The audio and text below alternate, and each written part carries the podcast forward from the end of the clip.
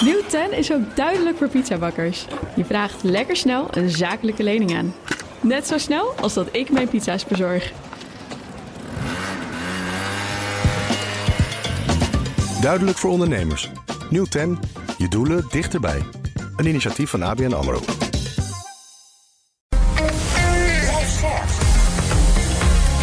BNR Nieuwsradio. The Big Five.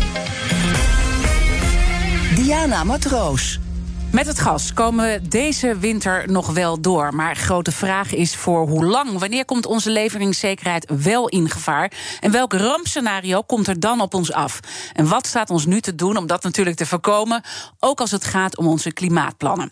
Dat bespreek ik deze week met vijf kopstukken in BNR's Big Five van de gascrisis. Vandaag doe ik dat met eh, Cora van Nieuwenhuizen, voorzitter van Energie Nederland. Dat is de brancheorganisatie van energiebedrijven. Maar natuurlijk is ze ook voormalig VVD-minister van Infrastructuur en Waterstaat. En ze was ook vijf dagen minister van Economische Zaken. Cora, fijn uh, uh, dat je er bent. We hebben afgesproken om te tutoyeren. Uh, voordat ik het met je ga hebben over ja, eigenlijk de grote margin calls en het hele spel met inkoopprogramma's, wat ontzettend uh, ingewikkeld is.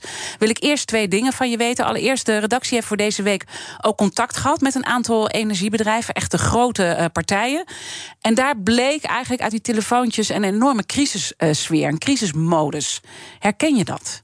Ja, zeker. We zijn al maanden eigenlijk in, uh, in crisissfeer. Hè. Vanaf dat de oorlog uitgebroken was. Daarvoor zag je al wel een tijdje hoge prijzen. Maar door die oorlog is alles zo in een stroomversnelling geraakt. En zijn de prijzen zo totaal ontspoord. Uh, ja, en dat merk je natuurlijk ook dat klanten wanhopig aan de telefoon hangen. Overal zijn de callcenters enorm opgeschaald. Om, om ook ja, duidelijkheid te proberen te geven aan, aan mensen. Dus die crisissfeer die herken ik zeker ja. Ja, en er is, is natuurlijk ontzettend veel. En dat gaan we ook allemaal ontrafelen met elkaar in het uh, komende uur. Maar is er één aspect waar, waar eigenlijk die energiebedrijven nu het meest tegenaan hikken, waar ze zich de grootste zorgen over maken? Nou ja, dat is toch uh, de, de toekomst. Uh, in de zin van niet alleen deze winter, maar ook de volgende winter en de winters daarna. Uh, want het, het, wegvallen van het Russisch gas moeten we natuurlijk zo snel mogelijk oplossen. We hadden al de tekst van we gaan van het gas af. Nou, dat is om te beginnen van Russisch gas geworden. En dat blijkt toch lastiger nog dan, dan verwacht eigenlijk. Dus dat is, ja, als zolang het dan heel erg schaars blijft en je afhankelijk bent van LNG uit andere delen van de wereld bijvoorbeeld heb je ook te maken met die hele hoge prijzen. Nou, dat is, hebben we gemerkt, hè, voor huishoudens en bedrijven een ongelofelijke strop en een uitdaging. Dus we zijn heel blij met het, uh, met het prijsplafond uh, wat er nu komt. Um, maar ja, je wilt natuurlijk wel een structurele oplossing. Dus dan moet er nog heel veel gebeuren. Ja om vervanging te ja. vinden van dat Russische gas. En uh, uh, dat is natuurlijk heel moeilijk balanceren, want je kan niet zomaar een knop en het ene uitzetten. Dat zijn een beetje stoere teksten eigenlijk allemaal die we hebben gehoord hè, in de afgelopen tijd. Uh, maar ja, er zit natuurlijk ook zoiets dat je niet moet hopen dat we een Elfstedentocht krijgen. Want dat is eigenlijk wat je ook tegen mij zei net toen we naar binnen liepen. Ja. Ehm, sommige mensen zeggen volgende winter wordt pas een probleem, maar ik merk ook aan andere experts die zeggen het kan echt al veel eerder het geval zijn. Nou ja, het is inderdaad zo. Normaal gesproken begin in dit uh, tijdstip van het jaar uh, begint het al te kriebelen van gaan we een Elfstedentocht krijgen. Nou, als we dat ooit niet moeten willen, is het wel nu. Um, want we hebben gelukkig alle voorraden maximaal uh, gevuld. Dus we zijn goed voorbereid. Maar als je een hele strenge winter krijgt, dan kan het toch nog heel lastig worden. Zeg maar zo vanaf februari zouden we dan toch wel in de problemen kunnen komen. Dus iedereen hoopt, denk ik, ook al was het alleen maar voor de prijs. Maar je hoopt ook echt op een uh, op een zachte winter. En dan wordt het volgende winter, als het dus ja, de uh, opslag niet meer gevuld kan worden met, uh, met Russisch gas, wat nu voor een deel toch ook nog wel is gebeurd, dan, ja, dan moeten we nog meer zorgen ja. dat, we, dat we op tijd uh, ja, andere uh, ofwel LNG-stromen hebben, of natuurlijk uh, met de verduurzaming weer een slag ja, verder zijn, zodat we minder nodig hebben. Allemaal heel erg uh, lang duren. Het tweede wat ik van je wil weten.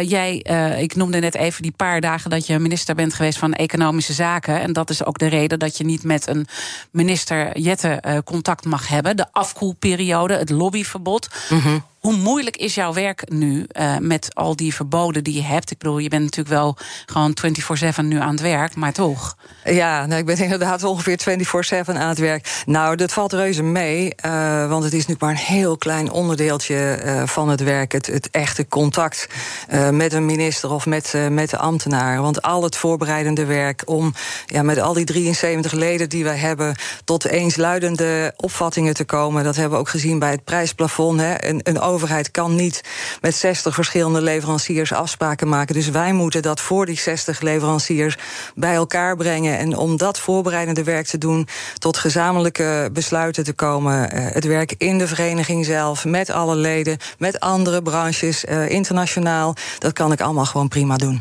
Als het dan gaat over al die contacten die jullie hebben, en uh, dit zeg ik ook omdat de ACM onderzoekt of de energiebedrijven wel goed zijn voorbereid. zijn jullie dat of zijn er toch nog, zeker als er een strenge winter komt, toch echt nog wel problemen? Nou ja, ik kan niet, hè, want wij zijn een branchevereniging. Ik kan niet bij de individuele bedrijven uh, naar binnen kijken ten aanzien van hoe ze er financieel voor staan, hoe hun inkoopbeleid eruit ziet. Hè. Dat is mededingingsrechtelijk, mag dat ook niet, willen wij ook niet. Maar je spreekt ze wel natuurlijk. Dus natuurlijk. Goed de situatie lijkt me inschatten met al, dat, uh, al die tijd die je net beschrijft, die je erin steekt. Nou, dan zie je wel dat het algemene beeld uh, toch is dat het heel spannend is. Ehm, er zijn natuurlijk, daar komen we dan later ook nog over te spreken, de problemen van de margin calls. Hè, naarmate het allemaal veel duurder is wat je moet inkopen, moet er ook meer ja, zeg maar onderpand uh, gestort worden. Dat is geld wat je wel moet hebben. En als je aan de andere kant ziet dat klanten moeite hebben om te betalen, dan wordt het wel een hele spannende combinatie. Hoe groot is die groep die niet meer kan betalen? Wat, wat merken jullie daarvan? Nou, je ziet uh, mensen langzamerhand natuurlijk, dat horen wij van, uh, van onze leden, dat er steeds meer mensen in de wanbetaling terechtkomen. Maar je ziet ook mensen die het voor zich uitschuiven, die de voorschotbedragen eigenlijk kunstmatig laag houden, waardoor ze per maand nu niet in de problemen komen, maar straks bij de eindafrekening ineens een heel groot bedrag moeten gaan, uh, gaan bijbetalen. Dat is eigenlijk een beetje, ja. nou ja, net doen alsof het probleem er niet is. Uh, maar het komt wel op je af. Dus nou, nogmaals, hoe, groot is die, hoe groot is die groep? Ik, ik snap dat je niet de, de gedetailleerde cijfers hebt, maar je moet denk ik wel een inschatting kunnen maken.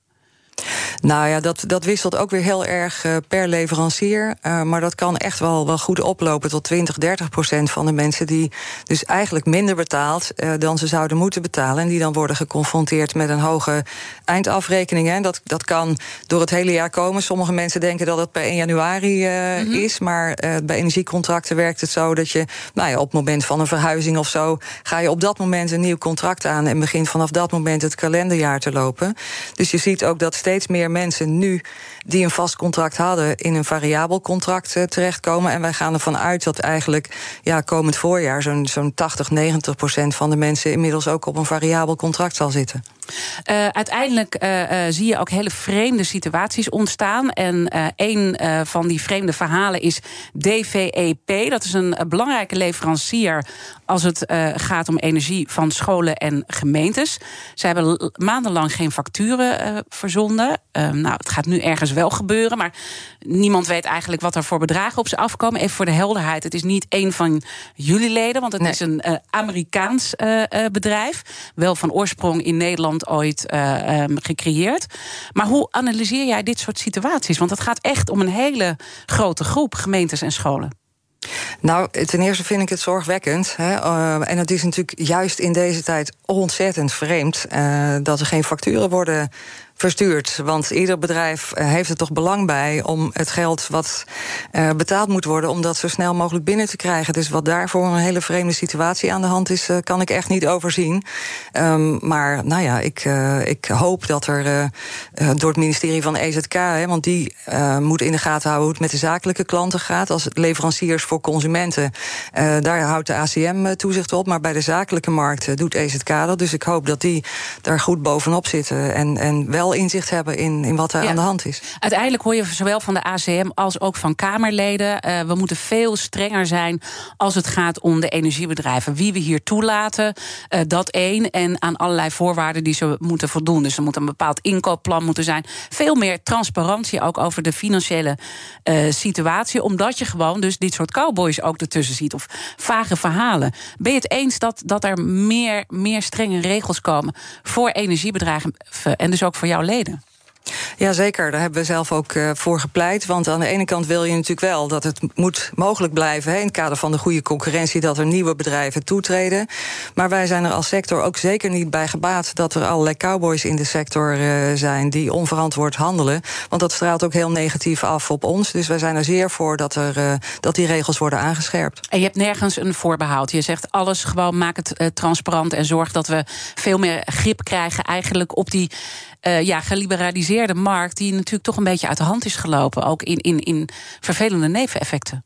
Nou, we zeggen niet alles is zomaar goed, want je moet ook wel kijken of het effectief is. Hè. We willen geen onnodige bureaucratie. Uh, dus nu Zoals? Niet, nou ja, ten aanzien van, van rapportages. Natuurlijk uh, kan de ACM altijd uh, goed naar binnen kijken. Maar ja, bijvoorbeeld als je het hebt over rapportages, dan wil je dat niet iedere dag gaan doen, maar dat moet in een normale frequentie. Een beetje op een, op een normale manier, maar volgens mij komen we daar met de ACM goed uit. The Big Five.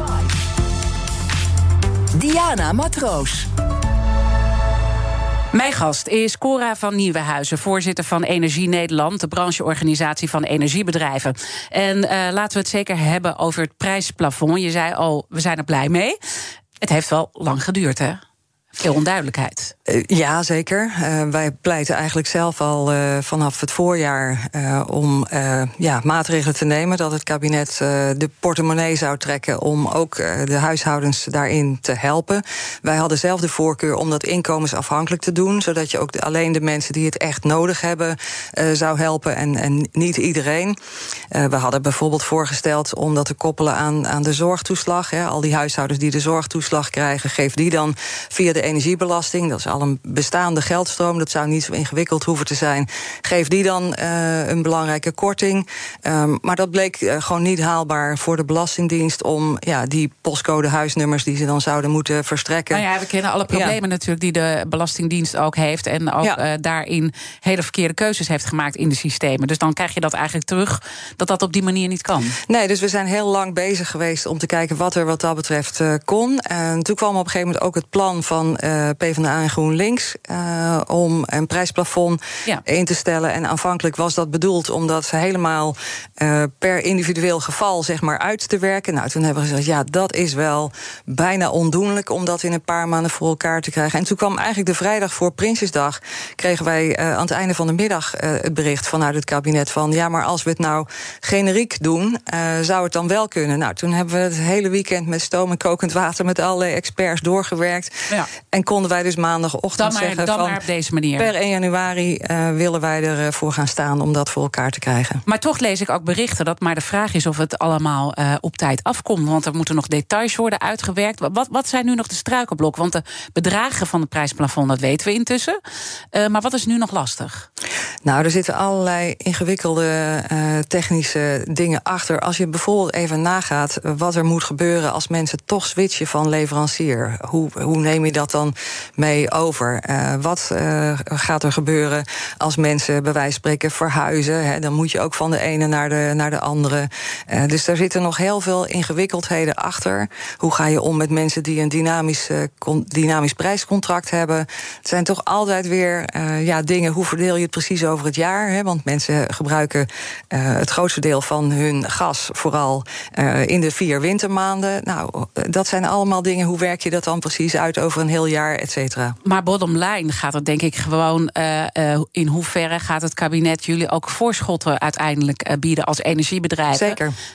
want, want is dat niet het grootste struikelblok nu waar het uiteindelijk over gaat? Van wie betaalt de rekening en hoeveel zekerheid krijgen we dat het echt ook voor ons goed komt? Nou ja, we hebben ook uh, gezegd, gezien de uh, positie van de, de, energieleveranciers, kan het niet zo zijn uh, dat, dat zij als een soort bank gaan fungeren en dat allemaal gaan voorschieten. Dat kunnen ze simpelweg niet. We hebben natuurlijk afgelopen winter ook gezien dat er een aantal bedrijven failliet zijn gegaan. Nou, dat was onder andere door dat soort problemen. Ehm, dus wij kunnen het niet voorschieten. Dus dan moet de overheid ook garanderen dat het bedrag wat wij één op één naar die klanten doorzetten, dat dat er ook wel is. Vandaar dat we ook gezegd hebben, en dat heeft het kabinet gelukkig ook een goed idee gevonden, om voor november en december, want er zijn nu al heel veel mensen in de problemen, dus je wilt zo snel mogelijk iets doen, om dat dan te doen met die 190 euro, die in mindering te brengen op het voorschotbedrag. Mm -hmm. Want dat Zodat is veel dat simpeler gaat, te uh, verwerken in alle IT-systemen. Ja. Maar, maar, maar is het nou geregeld dat uh, per 1 januari we gewoon allemaal gerust kunnen zijn dat dit gewoon staat? Of, uh, want ik begreep uh, dat jij voor 1 oktober een paar dingen hard ja. wilde hebben om dit op 1 januari te kunnen garanderen. En dat dat nog niet gebeurd is. En even kijken, we zitten nu, wat is het? 13 oktober.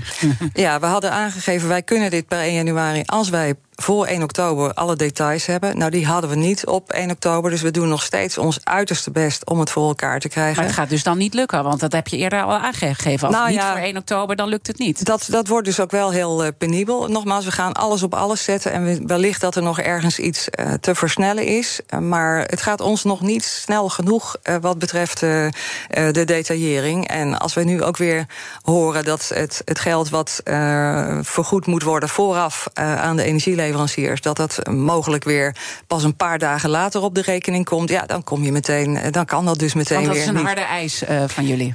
Ja, je kunt het gewoon niet voorschieten, want die energiebedrijven hebben dat niet uh, om dat voor te schieten. Dus, dus dat ja. moet echt geregeld zijn. Nou ja, daar wordt nog over doorgesproken. En ja, we gaan er zo meteen nog wel over praten, want er is ja. ook wel wat discussie dat uh, ook heel veel energiebedrijven flinke winsten boeken. En dat het ook niet allemaal transparant is, omdat we dat dus allemaal niet uh, kunnen zien. Maar dat, dat komt later wel. Mm -hmm. um, even nog kijkende naar al die vertragingen en die uitwerkingen die er zijn. Um, ook nu al zijn er mensen echt die flink in de problemen komen. Hè, dat schetsen je. Je ja. denkt een soort 20 procent, uh, als je het zo grofweg uh, zou moeten inschatten. Wordt daar voldoende voor geregeld? Ik begrijp dat jullie ook met de organisatie die zich met schuldhulpverlening bezighoudt, daarmee in gesprek zijn. Worden fondsen opgetuigd? Gaat dat een beetje goed? Nou, daar wordt ook heel hard aan gewerkt. Uh, en we zijn eigenlijk al langer, ook voordat deze energiecrisis uh, kwam, waren er al afspraken met schuldhulpverleners in, uh, in Nederland en met de gemeente om dat allemaal zo soepel mogelijk te doen. er worden nu natuurlijk ook heel veel energiecoaches enzovoort ingezet om ja, niet alleen te zorgen dat mensen niet hun rekening niet meer kunnen betalen, maar ook om te zorgen dat die lager wordt, omdat ze gewoon minder, minder verbruiken. Dus besparingstips. maar er wordt ook met veel mensen gesproken over betalingsregelingen om het uh, te spreiden. Uh, mensen kunnen worden verwezen naar geldfit en schuldenlab enzovoort. Maar je wilt natuurlijk eigenlijk dat mensen niet eerst in die schulden komen. Dus we waarschuwen ook mensen om hun voorschotbedrag niet te laag te zetten. Want dat is eigenlijk tegen beter weten in. Uh, trek dan eerder aan de bel bij je gemeente bijvoorbeeld als je ziet dat je het niet meer redt om, en vraag om hulp. Ja, en is die communicatie van alle kanten dan wel voldoende? Want dit weten we natuurlijk allemaal van, van schuld schuldhulptrajecten uh, ook even los hiervan. Dat het soms echt voor mensen ook totaal onduidelijk is waar ze moeten zijn en hoe dat zo'n traject eruit ziet. Nou, dat, dat is ook zo. Um, en dat is ook frustrerend. Je wilt iedereen ja. bereiken en dat, dat zal nooit helemaal lukken. Want je hebt ook altijd een groep die toch een soort schaamte heeft. Terwijl ik echt zeg, zou zeggen: van nou, daar is nu absoluut ook geen reden voor. Trek gewoon aan de bel en meld je en, en vraag om die hulp. Morgen dan zal ik spreken met René Peters. Hij is uh, de gasexpert bij TNO. En dan gaan we ook uh, praten over allerlei verschillende alternatieven... Uh, die nu in de markt gezet kunnen worden of al zijn. Abonneer je alvast op onze podcast via je favoriete podcastkanaal. Dan weet je zeker dat je geen aflevering mist. En straks dan wil ik verder praten met Cora van Nieuwenhuizen... voorzitter van Energie Nederland... over het complexe spel op de energiemarkten... als het gaat om de gasinkoop nu, die margin calls die al even vielen. En of we uiteindelijk hier ook Duitse toestanden uh, kunnen krijgen. Want we hebben daar al gezien dat de uh, Duitse overheid moest ingrijpen om een groot energiebedrijf in leven te houden. Blijf luisteren. Nieuw 10 is ook duidelijk voor pizzabakkers. Je vraagt lekker snel een zakelijke lening aan. Net zo snel als dat ik mijn pizza's bezorg. Duidelijk voor ondernemers. Nieuw 10. Je doelen dichterbij. Een initiatief van ABN AMRO. Hoi, ik ben Rens de Jong en ik presenteer Werkverkenners, de podcast over werk. Of het nou gaat over de impact van technologie op jouw baan, over de kunst van het thuiswerken of over de nieuwste trends in leiderschap, wij hebben het allemaal. Luister iedere dinsdag om 3 uur naar BNR of wanneer maar wil op je favoriete podcastplatform. Werkverkenners wordt mede mogelijk gemaakt door Prescan. Prescan, ga voor je gezondheid. BNR Nieuwsradio. The Big Five. Diana Matroos. Welkom bij Tweede Half Uur. Fijn dat je weer luistert. Deze week praat ik met vijf kopstukken over de gascrisis. Morgen dan zal ik de week afsluiten met de gasexpert van TNO, René Peters. En dan praat ik ook eh, onder andere over alternatieven eh, voor het Russisch gas. Mijn gast vandaag is Cora van Nieuwenhuizen, voorzitter van Energie Nederland. Dat is de brancheorganisatie van energiebedrijven. En natuurlijk is hij onze voormalig minister van Infrastructuur en Waterstaat. Uh, Cora, komend half uur wil ik in ieder geval nog twee onderwerpen met je bespreken. Namelijk wat deze gascrisis voor de energietransitie betekent. Want ja, ik denk ook wel, jij bent natuurlijk op een bepaalde manier aan die job begonnen. Ja, zeker. Ja. En ik dacht dat ik daar vooral mee bezig zou zijn. Toch? Dus, uh, ja, ja, ja, dat wordt nu echt uh, compleet anders. En het tweede, het grote complexe spel achter het inkopen van gas op dit moment. En laten we even met het laatste punt uh, beginnen. Deels heb je het al aangestipt, maar het, het, valt in een paar delen uiteen. En laten we eerst even pakken de schommelende prijzen eigenlijk die we zien als gevolg van die uh, complexe markt.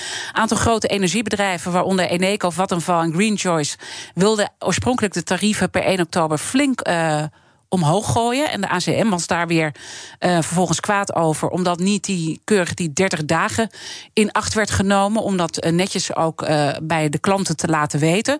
Vanwaar die haast en die ongelukkige communicatie hierover? Nou ja, daar zie je dat het uh, zich wreekt dat een bepaalde regelgeving is opgesteld onder een heel ander gesternte.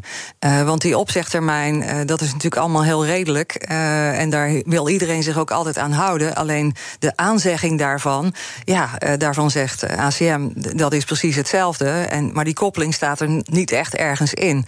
Dus daar kom je dan in, in de uitzonderlijke situatie waar je nu in terecht bent gekomen, loop je tegen dat soort dingen aan. Dus het is ook goed dat er duidelijkheid komt voor voor de consumenten. En uh, nou, dat daar met ACM gewoon heldere afspraken over, uh, over gemaakt worden. Ja, want je zegt eigenlijk hebben wij als energiebedrijven niks verkeerd gedaan. Want een opzegtermijn van 30 dagen is iets anders dan dat je aankondigt om het uh, tarief te verhogen.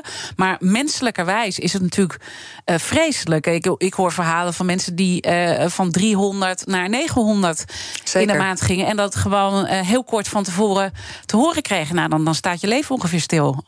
Nou, dat, dat is ook zo. En dat, dat uh, merken onze leden ook wel uh, in de contacten met, uh, met al die klanten. Want ieder bedrijf wil natuurlijk graag tevreden klanten. Nou, dat is op dit moment natuurlijk heel erg lastig om dat te moeten uitleggen. Maar heel veel van de leveranciers, dat beseffen mensen niet altijd, maken zelf geen energie, zijn niet producent en moeten dus zelf ook alles heel duur inkopen. Nou, dat, dat dat gas heel duur is omdat het zo schaars is geworden, omdat de Russische aanvoer is weggevallen, dat begrijpen mensen wel. Maar als je ook je realiseert dat uh, de helft van de elektriciteit in Nederland met gas wordt gemaakt, dan snap je meteen dat het ook in die elektriciteitsprijzen ontzettend uh, doorwerkt.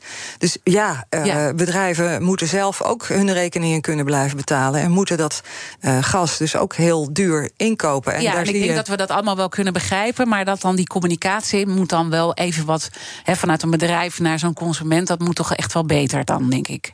Nou ja, Eerder. ik denk dat veel bedrijven hebben dus daar ook op gereageerd en hebben dat beleid uh, aangepast. En het was, de timing was ongelukkig, maar mensen denken soms uh, dat zo'n prijsverhoging dat dat even op een achternamiddag uh, besloten wordt. Maar dan gaan binnen zo'n bedrijf vaak al weken van, van besluitvorming aan vooraf. He, van hoe zitten we precies met ons inkoopbeleid? Ja, ja, ja. Welke maar prijs we moeten we dan op uitkomen? Gaan, dan, dan hoop je in ieder geval dat je ook weken van tevoren goed wordt ingelicht. Hè? Ik denk dat dat dan ook. Ja, maar je kunt pas worden ingelicht als je weet wat die prijs gaat worden. En, en hoe ja. die prijs precies bepaald wordt, dat is natuurlijk een heel ingewikkeld proces. Eh, van de hele inkoopstrategie. Waar staan we precies tegen welke prijzen hebben we zelf kunnen inkopen? En dan uh, moet uiteindelijk gaat dat door alle lagen in een bedrijf en komt dat tot een besluit.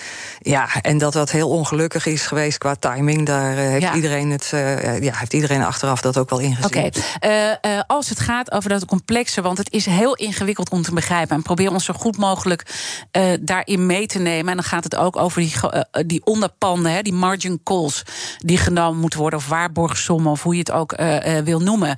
Leg eens uit hoe die markt nu, nu, nu uh, ja, hoe complex dat nu is. Nou ja, je zag in het afgelopen jaar natuurlijk dat uh, er werd nog wel Russisch gas geleverd.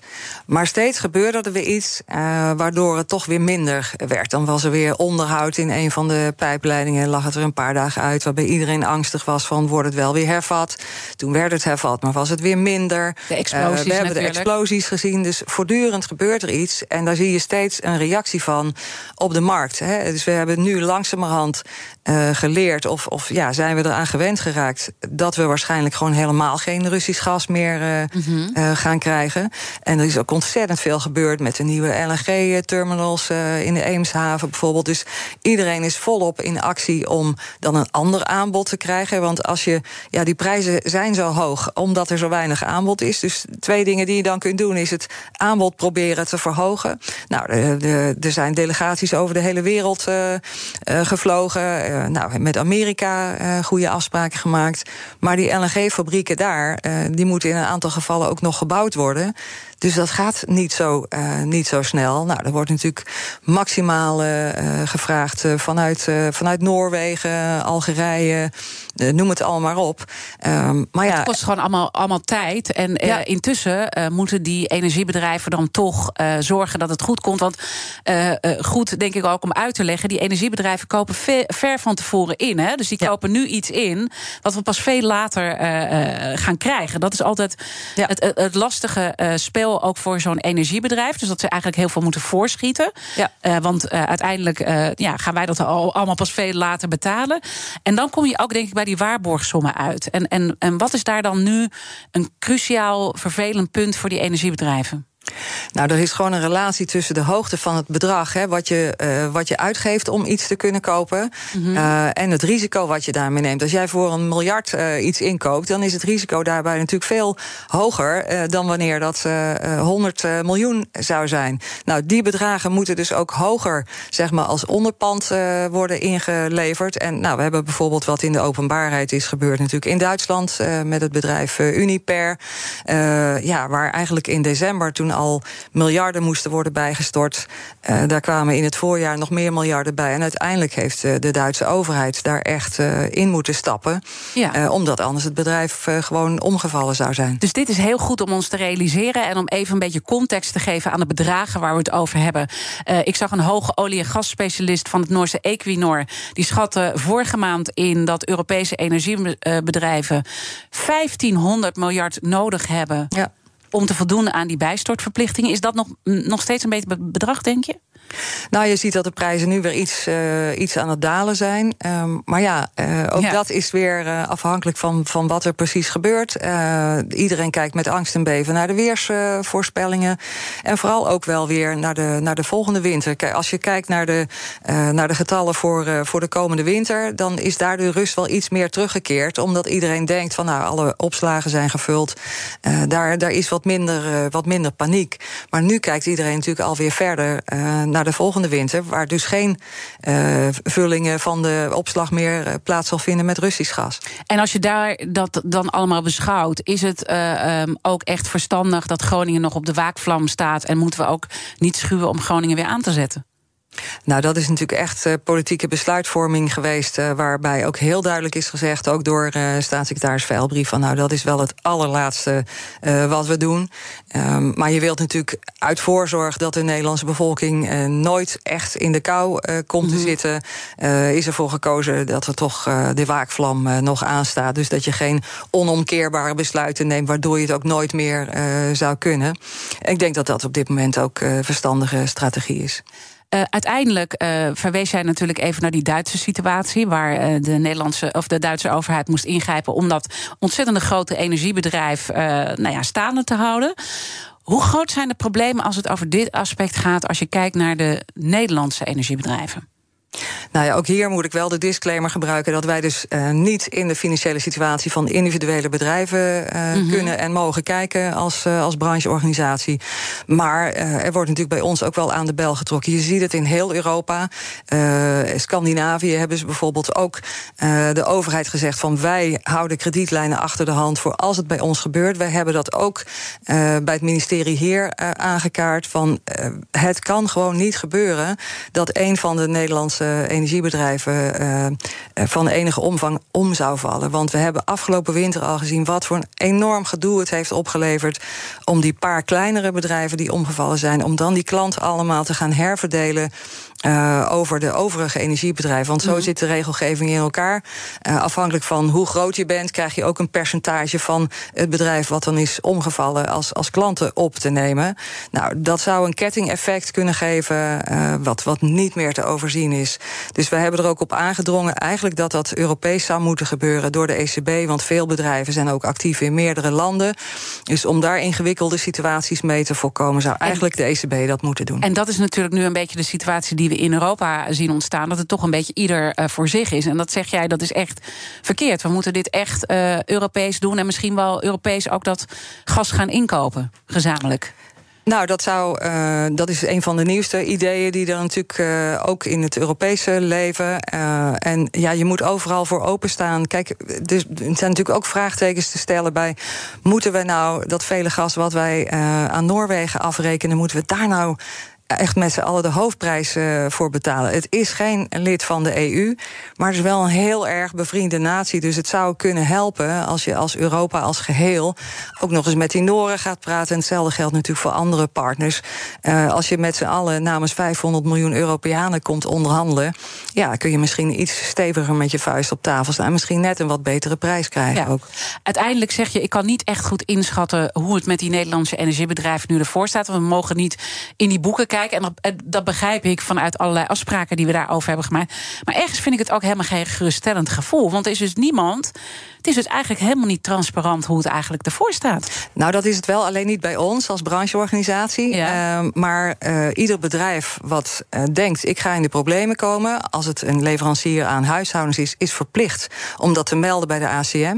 Dus ACM gaat dan ja, wel in de boeken kijken bij die bedrijven en, en kan in actie komen. En als het om de zakelijke markt gaat, zoals het bedrijf wat u vanochtend als voorbeeld mm -hmm. noemt, wat je, ik mag je zeggen. Ja, ja, ja, ja, ja we hebben afgesproken. Ja, ja. Uh, dat, dat, daar uh, gaat het ministerie van, van de EZK over. Ja, maar ACM dus heeft ook aangegeven dat er veel meer grip op de markt moet komen. En dat zeggen Kamerleden natuurlijk ook. Hè. Dus je zegt ACM kan dat wel controleren. Maar eigenlijk blijkt dat zij ook niet helemaal de, de, de, de, ja, de vinger erop kunnen leggen. Omdat het gewoon niet heel transparant meer is, die markt. Nou ja, de risico's zijn voor iedereen uh, lastig in te schatten. Kijk, als wij zouden weten uh, hoe het met die oorlog verder afloopt, ja, dan kon je misschien wat beter. Maar, maar, het is ook een beetje hoe we het allemaal hebben georganiseerd uh, met elkaar. Dat we natuurlijk heel veel vrijheid aan die markt hebben gegeven. Je eigenlijk dus ook, nou ja, als nationaal niet meer de grip hebt op zaken. Is de liberalisering niet gewoon te ver doorgeschoten? Nou, ik denk dat het wat uh, straks al voorbij kwam... Hè, van, uh, dat er mogelijkheden zijn dat ook cowboys uh, toetreden tot de markt. Nou, daar zijn we het ook zeer mee eens dat we dat niet moeten willen. Want daar heeft de rest van de, van de branche ook alleen maar heel veel last van. Dus dat juichen we zeer toe. En ook initiatieven die er in de Kamer zijn genomen... om, om die relatie klant-energiebedrijf nog te verbeteren... ja, daar werken wij graag aan mee. Nieuw 10 is ook duidelijk voor pizzabakkers. Je vraagt lekker snel een zakelijke lening aan. Net zo snel als dat ik mijn pizza's bezorg. Duidelijk voor ondernemers. Nieuw 10. Je doelen dichterbij. Een initiatief van ABN AMRO. Hoi, ik ben Rens de Jong en ik presenteer Werkverkenners, de podcast over werk. Of het nou gaat over de impact van technologie op jouw baan, over de kunst van het thuiswerken of over de nieuwste trends in leiderschap, wij hebben het allemaal. Luister iedere dinsdag om 3 uur naar BNR of wanneer maar wil op je favoriete podcastplatform. Werkverkenners wordt mede mogelijk gemaakt door Prescan. Prescan. Ga voor je gezondheid. BNR Nieuwsradio. The Big Five. Diana Matroos. Je luistert naar BNR's Big Five van de gascrisis. Eerder deze week sprak ik met PvdA-Europarlementariër excuus, Mohamed Shahim over het versnipperde energiebeleid van Europa. Dat besprak ik trouwens ook net met Cora van Nieuwenhuizen, mijn gast van vandaag, voorzitter van Energie Nederland, de brancheorganisatie van energiebedrijven. Wil je het gesprek uh, met Mohamed Shahim uh, terugluisteren? Hij is een van de invloedrijkste Europarlementariërs op het gebied van klimaat. Ga dan uh, naar onze podcast. ja, uiteindelijk uh, moeten wij ook eventjes uh, naar de toekomst kijken. We hebben het punt al even genoemd. Dat je eigenlijk vindt dat de, de overheid er ook meer moet zijn voor die energiebedrijven. Als het gaat over die grote risico's. Wat verwacht je dan precies van onze Nederlandse overheid? Nou ja, uh, van alles. Om te beginnen natuurlijk dat, nou, dat, dat, dat vangnet, uh, wat andere Europese landen ook uh, verschaffen. Om te zorgen dat een bedrijf niet omvalt. Mm -hmm. Want daar, daar zouden klanten ontzettend veel last van hebben. Dat hebben we ook afgelopen winter gezien. Dus laat dat in vredesnaam niet gebeuren. Maar er is natuurlijk heel veel nodig om ook te zorgen dat we voldoende alternatieven krijgen voor dat Russische gas. en dan speelt vergunningverlening voor projecten natuurlijk een, een belangrijke rol. Er moeten echt meters worden gemaakt. Dus er moet echt een versnelling in komen. Dat staat ook in het regeerakkoord. Mm. Maar we hebben het nog niet uh, effectief gezien. Dus ik hoop dat dat ook echt voortvarend wordt opgepakt. Uh, er zijn ook hele goede initiatieven natuurlijk al om mensen te helpen met, met besparingen. Dus weer twee keer 150 miljoen uitgetrokken voor een nationaal isolatieprogramma. Dus ik hoop dat dat ook snel wordt uitgewerkt, zodat mensen ook een alternatief krijgen. Uh, maar het gaat natuurlijk ook om, om nieuwe plannen, bijvoorbeeld voor die groene waterstof, waar iedereen uh, de mond van vol ja, heeft. En misschien uh, goed om even, want uh, het is niet zo netjes van mij, maar ik had Hans Grunveld even ook willen laten horen. De algemeen directeur van de Vereniging voor Energie, Milieu en Water. Dat zijn de grootzakelijke energieverbruikers. Want Hans had ook een vraag die een beetje hiermee te maken heeft... voordat we alles hebben versnoept. Luister Verwacht maar. wordt dat de gascrisis voorlopig nog niet voorbij is. Nou, dan is mijn vraag, hoe kan voorkomen worden... dat ook de elektriciteitsmarkt, die ja, in een jarenlange crisis wordt uh, meegesleept... die juist zo belangrijk is, ook voor die transitie van de industrie... waar we het net over hadden. Nou, misschien heb je nog wat punten voor me over. Nou, wat daar heel erg belangrijk is natuurlijk... is dat de netten in Nederland, de elektriciteitsnetten... Uh, worden uh, verzwaard. Uh, en dat er maximaal benutting van plaats kan vinden. Want heel veel bedrijven die nu al wel de mogelijkheid hebben... die bijvoorbeeld zonnepanelen willen plaatsen... of een windmolen, of op een andere manier... hun bedrijfsprocessen elektrificeren... die kunnen dat nu niet doen, omdat ze niet op het net kunnen. Het, de snelweg is vol eigenlijk. Ja, eigenlijk komt het daarop neer... Uh, dus wij vinden ook echt dat, uh, dat er moet worden doorgepakt uh, om maximaal in te zetten op het uitbreiden van die netten. En ook op het, op het beter benutten. Want het gaat er vaak om dat alleen maar dat piekmoment even wat minder belast wordt. Zeg maar. Nou, daar zijn vaak met bedrijven goede afspraken over te maken om op die momenten dan even mm -hmm. niet of minder elektriciteit te, te, verbruiken. Dus we hopen dat daar ook echt volop actie op komt. En er zal ook om dat net te verzwaren, kom je ook weer op die, op die vergunningen. Want er is al heel wat natuurlijk aan nou ja, honderden transformatorhuisjes en, en ook uh, grotere ja. uh, elektriciteitsinfrastructuur. Moeten gewoon nu doorpakken. Moet echt komen. Met al die stoere teksten van het Russische gas af. Ja, zeker. En ja. dat zie je ook dat dat elders in Europa ook gebeurt. Soms projecten die jarenlang uh, stil lagen. ik hoorde ook van, van de collega's uit de Baltische Staten en uit Finland bijvoorbeeld... dat ze daar nou ja, vanwege de crisis nu... en zij zijn natuurlijk nog meer bevreesd voor, voor Rusland...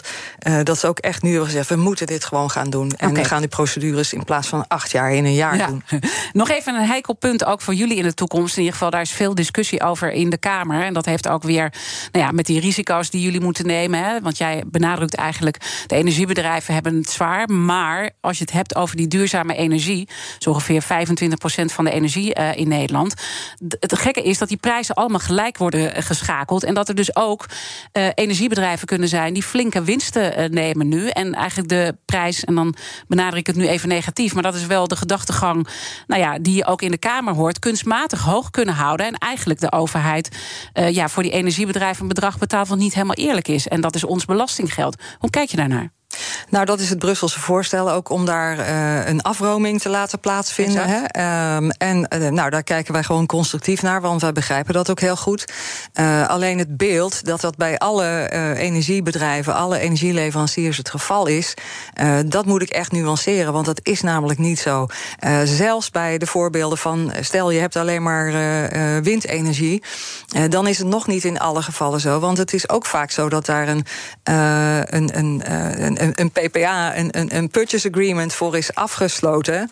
Uh, met een lange termijn, waarbij dus soms uh, die windenergie tegen een lage prijs uh, geleverd wordt. Dus dan zit het weer bij het bedrijf wat dat contract heeft afgesloten. Zou daar dan, bij die, die nu dan toch nog goedkope energie heeft, zit daar dan de winst. Dus het is ongelooflijk ingewikkeld om, ja. om precies te traceren van wie heeft nou welk. En, en, en dat is natuurlijk het, het hele probleem, waardoor ook Mohammed Shahim en ook trouwens mijn eerdere gasten deze week zeiden: we, we missen ook heel veel kennis om dit allemaal Europees te gaan organiseren. Met precies al die schakeltjes die jij nu beschrijft. Uh, dus het is heel moeilijk om de regie uh, te pakken. Maar het is misschien toch wel doorgeschoten in hoe we het nu hebben georganiseerd. Want het is gewoon totaal niet meer transparant wat er overal gebeurt. Nou ja, dat is natuurlijk ook hoe in andere, ja. uh, bij, op ten aanzien van andere uh, bedrijfsmiddelen, hè, de, de, de markten functioneren. Uh, zaken worden doorverkocht, korte termijn, lange termijn. Het, je hebt altijd natuurlijk de wisselingen van het weer, waardoor er heel snel bijgeschakeld moet, moet worden of afgeschakeld als er heel veel zon of heel veel wind is. Dat soort transacties blijf je voortdurend nodig hebben, want het is bij een energienet nou eenmaal zo dat het echt constant in balans moet, ja. moet zijn. Hè? En je kunt je allemaal voorstellen dat als het uh, heel hard waait of als er heel veel zon schijnt, ja, dan komt er ineens heel veel energie uh, voor het net op. Um, ja, en dat wordt niet op dezelfde, uh, in dezelfde mate allemaal door de mensen meteen, meteen gebruikt. Dus dat, dat is voortdurend een, een aankoop- en verkoopproces om die balans erin te houden. Eén belangrijke uh, zaak die we nog moeten verrichten. Een hele korte, bondige vraag aan mijn volgende gast, René Peters, gasexpert bij TNO. Wat zou je hem willen vragen? Nou, er wordt heel veel verwacht van groene waterstof. Uh, en daar zijn we ook heel enthousiast over. En wij willen daar ook echt graag meters maken. Zeg maar de, de, situatie waar je een tijd geleden met windenergie in zat. Dat is echt een innovatietraject ingegaan. En, en levert nu een hele belangrijke bijdrage. Maar hoe komen we daar nu ten aanzien van waterstof? Om dat te versnellen. Want iedereen wil het graag. En toch zitten we nog maar eigenlijk in een soort embryonale fase. En we moeten echt ja, daar heel snel stappen mee zetten. Dus ik ben heel benieuwd wat hij vindt, uh, hoe we dat proces kunnen versnellen naar echt een opgeschaalde groene waterstof waar de, waar de industrie mee vooruit kan, waar we echt uh, wat aan hebben. Dankjewel uh, dat je er was ook en voor deze vraag. Cora van Nieuwenhuizen, voorzitter van Energie Nederland, de brancheorganisatie van energiebedrijven. Luister alles terug. BNR's Big Five vind je ook in je favoriete podcastkanaal. Maar blijf live. Zometeen Ime Verrips met BNR Breekt. Ik wens je een mooie dag. Nieuw 10 is ook duidelijk voor pizzabakkers. Je vraagt lekker snel een zakelijke lening aan. Net zo snel als dat ik mijn pizza's bezorg. Duidelijk voor ondernemers. Nieuw 10, je doelen dichterbij. Een initiatief van ABN AMRO.